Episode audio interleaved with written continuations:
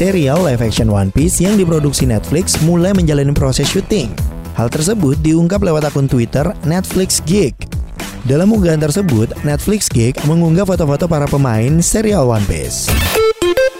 Dihantam badai COVID-19, seluruh laga seri 2 IBL 2022 resmi ditunda. Seluruh rangkaian pertandingan seri 2 Indonesia Basketball League atau IBL 2022 resmi ditunda demi mencegah adanya penyebaran COVID-19. Dengerin Prambors News selengkapnya cuma di Prambors Radio, tempat anak muda mangkal. Get it on Play Store and App Store.